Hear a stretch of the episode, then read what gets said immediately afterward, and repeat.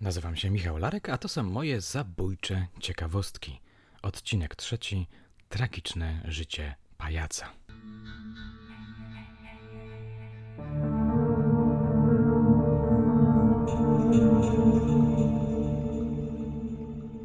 Dlaczego ludzie zabijają? Oto pytanie, które fascynuje miłośniczki i miłośników opowieści spod znaku True Crime.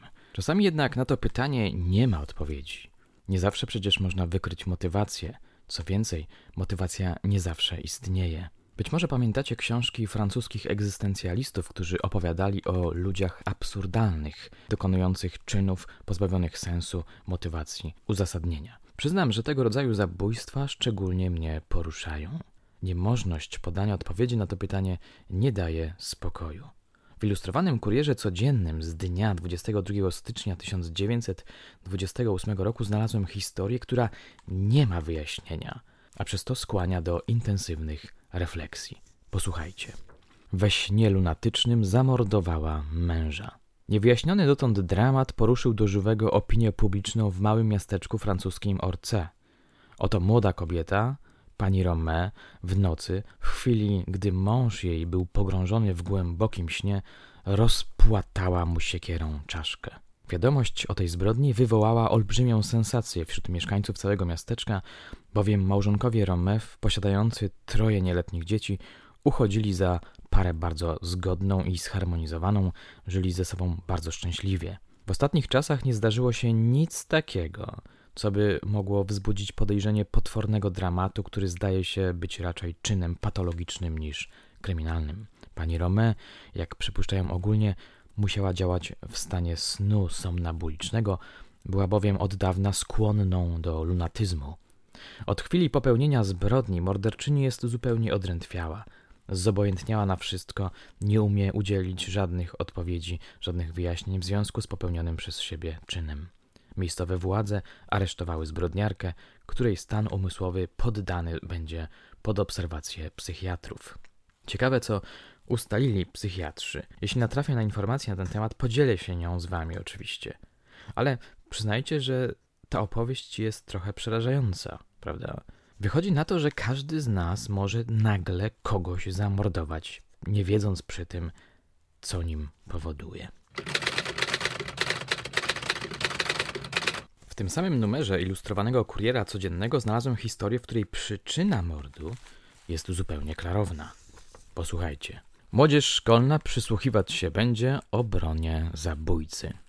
Japońskie miasto Daiwen przeżywa wielką sensację. Jest nią zapowiedziany proces dziewiętnastoletniego emigranta rosyjskiego Anatola Jerochin. Przed rokiem Jerochin musiał uciekać wraz z matką z Moskwy, ponieważ bolszewicy aresztowali jego ojca, profesora uniwersytetu i gorącego patriotę rosyjskiego, grożąc represjami całej rodzinie. Uciekł do Japonii, osiedlił się w Daiben, gdzie pracował jako pomocnik elektrotechniczny. Jednego dnia Jarochinowa otrzymała od rodziny z Moskwy wiadomość, że jej mąż po szeregu najstraszliwszych tortur został rozstrzelany. Młody Anatol Jarochin przysiągł matce, że krwawo pomści śmierć ojca. Następnego dnia rano zgłosił się Rochin do konsulatu sowieckiego w Dawen i oświadczył, że chce pomówić z sekretarzem konsulatu czerkasowym w sprawie uzyskania wizy na powrót do Rosji. Zaledwie Jarochina wpuszczono do gabinetu, wyjął on błyskawicznie nóż kankaski i pchnął nim z całej siły sekretarza Czerkasowa w plecy. Masz za mojego ojca i za cały naród rosyjski, krzyczał Jarochin, uderzając jeszcze kilka razy nożem śmiertelnie ranionego sekretarza. Po krwawym czynie Jarochin wybiegł z gmachu konsulatu i oddał się dobrowolnie w ręce policji japońskiej. Sąd w Daiwen oskarża Jarochina o zbrodnię zabójstwa. Charakterystycznym szczegółem tego procesu będzie, że dopuszczono na salę rozpraw młodzież szkolną, która przysłuchiwać się będzie obronie Jarochina i jego opowiadaniu o stosunkach, jakie panują w Rosji sowieckiej. Proces ten ma być dla młodzieży odstraszającym przykładem rządów terrorystycznych i rewolucji, a zachęcającym przykładem miłości synowskiej i patriotyzmu młodzieńczego Jarochina. Przypominam, że w ostatnich zabójczych ciekawostkach mówiliśmy coś innego o patriotyzmie, że powinien być raczej wyzbyty nienawiści do innych. Zemsta. Przyznam, że ten temat przeraża mnie. Dlaczego? Kiedy przeglądam komentarze pod podcastami czy filmikami poświęconymi prawdziwym zbrodniom, dostrzegam, że często wiele internautek i internautów wyraża aprobatę dla zemsty, dla linczu, dla samosądu, po prostu dla zabójstwa. Jest to dla mnie niebywałe. Powiem wam w sekrecie, że od jakiegoś czasu noszę się z pomysłem na napisanie powieści kryminalnej, w której punktem wyjścia jest zabójstwo właśnie mordercy. Mam nadzieję, że znajdę czas na jej napisanie. Znacie słynne opowiadanie Edgara Alana Poego Przedwczesny pogrzeb? Jego bohater bardzo cierpiał na katalepsję, bardzo bał się, że któregoś dnia ulegnie atakowi tej choroby, zostanie uznany za zmarłego, a potem pogrzebany za życia. Któregoś razu ocknął się i z przerażeniem stwierdził, że leży w trumnie zakopanej głęboko w ziemi. Ostatecznie puenta była jednak pozytywna. Nie będę spoilerował, przeczytajcie sami, warto mieć na koncie ten tekst. Wspominam o tym opowiadaniu, dlatego że w ilustrowanym kurierze codziennym znalazłem artykuł, który był niezwykle makabryczną wersją tej słynnej fabuły. Posłuchajcie. Dziecko, które się urodziło w trumnie. Z Mediolanu donoszą. Dzienniki mediolańskie donoszą o osobliwym wypadku narodzin w trumnie. Pewna młoda dziewczyna wiejska nazwiskiem Luisa Papello miała stosunek miłosny z chłopcem ze swojej wsi, który to stosunek nie pozostał bez skutku. Gdy Luisa nie mogła już ukryć przed otoczeniem swego stanu, udała się o poradę do pewnego lekarza, prosząc go o jakiś środek. Wiejski eskulap dał jej jakieś krople, które Luizę tak osłabiły, że musiała położyć się do łóżka, a po kilku dniach zmarła. Nikt z sąsiadów ani najbliższych krewnych nie znał przyczyny śmierci. Jednakowoż krążyły jakieś niejasne wersje po wsi, przy czym o współwinę pomawiano zarówno lekarza, jak i matkę Luizy. Pani Papello, która o niczym nie wiedziała poprzednio, a której takie plotki były niesłychanie przykre, zwróciła się do władz o ekshumowanie zwłok celem dokonania obdukcji. W obecności urzędników lekarskiej komisji i całego szeregu świadków otwarto trumnę zmarłej dziewczyny. Oczom obecnych przedstawił się przejmujący grozą widok. U nóg skurczonego trupa leżały malutkie zwłoki dziecka, które urodziło się w trumnie. Luizę Papello pochowano w letargu. Gdy odzyskała przytomność i ujrzała się pod ziemią w trumnie, psychiczny wstrząs spowodował przedwczesne urodziny. Ręce nieszczęsnej były podrapane do krwi i poranione. Widocznie nieszczęśliwa usiłowała bezskutecznie dźwignąć wieko trumny. No i stawiam teraz pytanie, czy to się naprawdę wydarzyło. Jeśli tak, mamy kolejny dowód na to, że rzeczywistość bywa czasami o wiele bardziej przerażająca niż fikcja kryminalna.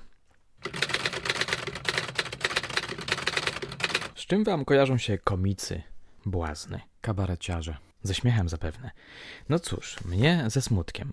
Pamiętam swoje zdumienie, kiedy się dowiedziałem, że Benny Hill czy Bogdan Smoleń wcale nie byli wesołkami na co dzień. Od tamtej pory, kiedy obserwuję występy tego rodzaju artystów, zastanawiam się, co za mrok kryje się w ich sercach czy w ich duszach. Dlaczego o tym mówię? Dlatego, że ostatnia dzisiejsza zabójcza ciekawostka dotyczyć będzie tragicznych momentów w biografiach dwóch komików. Posłuchajcie. Śmiej się, pajacu, dwie tragedie życiowe, których bohaterami są komicy. W ostatnich dniach rozegrały się dwie wstrząsające tragedie życiowe, których bohaterami są ulubieni aktorzy komicy. W Miejskim Teatrze w Saint-Étienne w niedzielę odbywało się uroczyste przedstawienie benefisowe ku czci ulubionego tutejszego komika Michała Simona, który od szeregu lat swoim humorem i swoją wizją komika zabawiał publiczność. Teatr był tego wieczora wyprzedany do ostatniego miejsca. Grano farsę starszego typu, w której beneficjant odtwarzał główną rolę. Na widowni znajdowała się również w loży żona Simona. Kurtyna podniosła się i wkrótce ulubiony komik ukazał się na scenie, przywitany salwą oklasków i wybuchami śmiechu. W ciągu pierwszego aktu pani Simon dostała w loży mdłości. Miała ona jeszcze dość siły, aby otworzyć drzwi i wydostać się na korytarz, gdzie padła na ziemię bez przytomności. Bileterki przeniosły zemdloną do garderoby jej męża, dokąd też zawezwano lekarza teatralnego. Jednakowoż wszystkie wysiłki lekarza celem przywołania zemdlonej do życia okazały się bezskutecznymi. Żona komika zmarła w kilka minut potem, nie odzyskawszy przytomności. Publiczność śmiała się serdecznie, a odgłosy tych śmiechów dobiegały do garderoby, gdzie leżała nieboszczka. Po pierwszym akcie musiano kilkakrotnie podnosić kurtynę i komik zjawiał się przed rampą, dziękując publiczności za owację. Nikt nie miał odwagi, aby mu powiedzieć o tym, co się stało. Promieniejący radością Simon w towarzystwie jednego z kolegów pospieszył do garderoby, gdzie oczekiwała na niego straszliwa rzeczywistość. Śmiertelnie blady aktor stał przy zwłokach żony, gdy dał się słyszeć dzwonek zapowiadający rozpoczęcie drugiego aktu. Przestraszony dyrektor pobiegł do garderoby komika. Niech pan będzie spokojny, oświadczył Simon. Będę grał moją rolę do końca. Chwiejąc się na nogach, komik wszedł na scenę. Jak zwykle przywitała go salwa śmiechu. Grał dalej, odrabiał swoje numerki pobudzające publiczność do wesołości. Nikt na widowni nie domyślił się tragedii, jaką przeżywał na scenie ten wesołek. Skoro wreszcie zapadła kurtyna po ostatnim akcie, komik dostał ataku płaczu spazmatycznego. Musiano go odwieźć do domu karetką pogotowia ratunkowego. W teatrze w Virginii w Stanach Zjednoczonych grano wesołą farsę Człowiek w zielonym cylindrze po raz 25. Komik David Cook, grający rolę tytułową, wywoływał jak co wieczoru wesołość na widowni. Publiczność bawiła się doskonale i nagradzając ulubionego komika nie tylko hucznymi brawami, ale także wspaniałym wieńcem. W ciągu aktu drugiego zjawił się listonosz z telegramem i oddał w kancelarii teatru depeszę adresowaną do Davida Cooka. Telegram ten zawierał wiadomość o tragicznej śmierci jedynego syna artysty. Młody człowiek, uczęszczający do szkoły pilotów w Chicago, spadł i w kilka godzin po wypadku zakończył życie. Telegram ten wręczono nieszczęśliwemu ojcu po drugim akcie, a mimo tego David Cook grał w 10 minut potem w trzecim akcie z żywiołowym temperamentem i najczęściej radosną wesołością, jak zapewniały następnego dnia krytyki teatralne. Jest w tym jakaś ironia, prawda? Szczególnie gorzka. Rozśmieszać innych na scenie i jednocześnie przeżywać w sercu wielką tragedię. Kiedy do was mówię te słowa, przypominam sobie scenę z własnego życia sprzed jakichś 20 lat. Byłem wtedy w podpoznańskim hipermarkecie. Nagle zobaczyłem Bohdana Smolenia. Szedł z siatkami, był dość niechlujnie ubrany, miał bardzo smutny wyraz twarzy. Nie mogłem oderwać od niego wzroku. Wydał mi się wówczas symbolem, alegorią smutku. Zrobiło się dość melancholijnie, a przyznam, że nie planowałem tego. To chyba dobry moment, żeby zakończyć dzisiejsze zabójcze ciekawostki. Mam nadzieję, że opowieści przypadły Wam do gustu. Do usłyszenia już niebawem.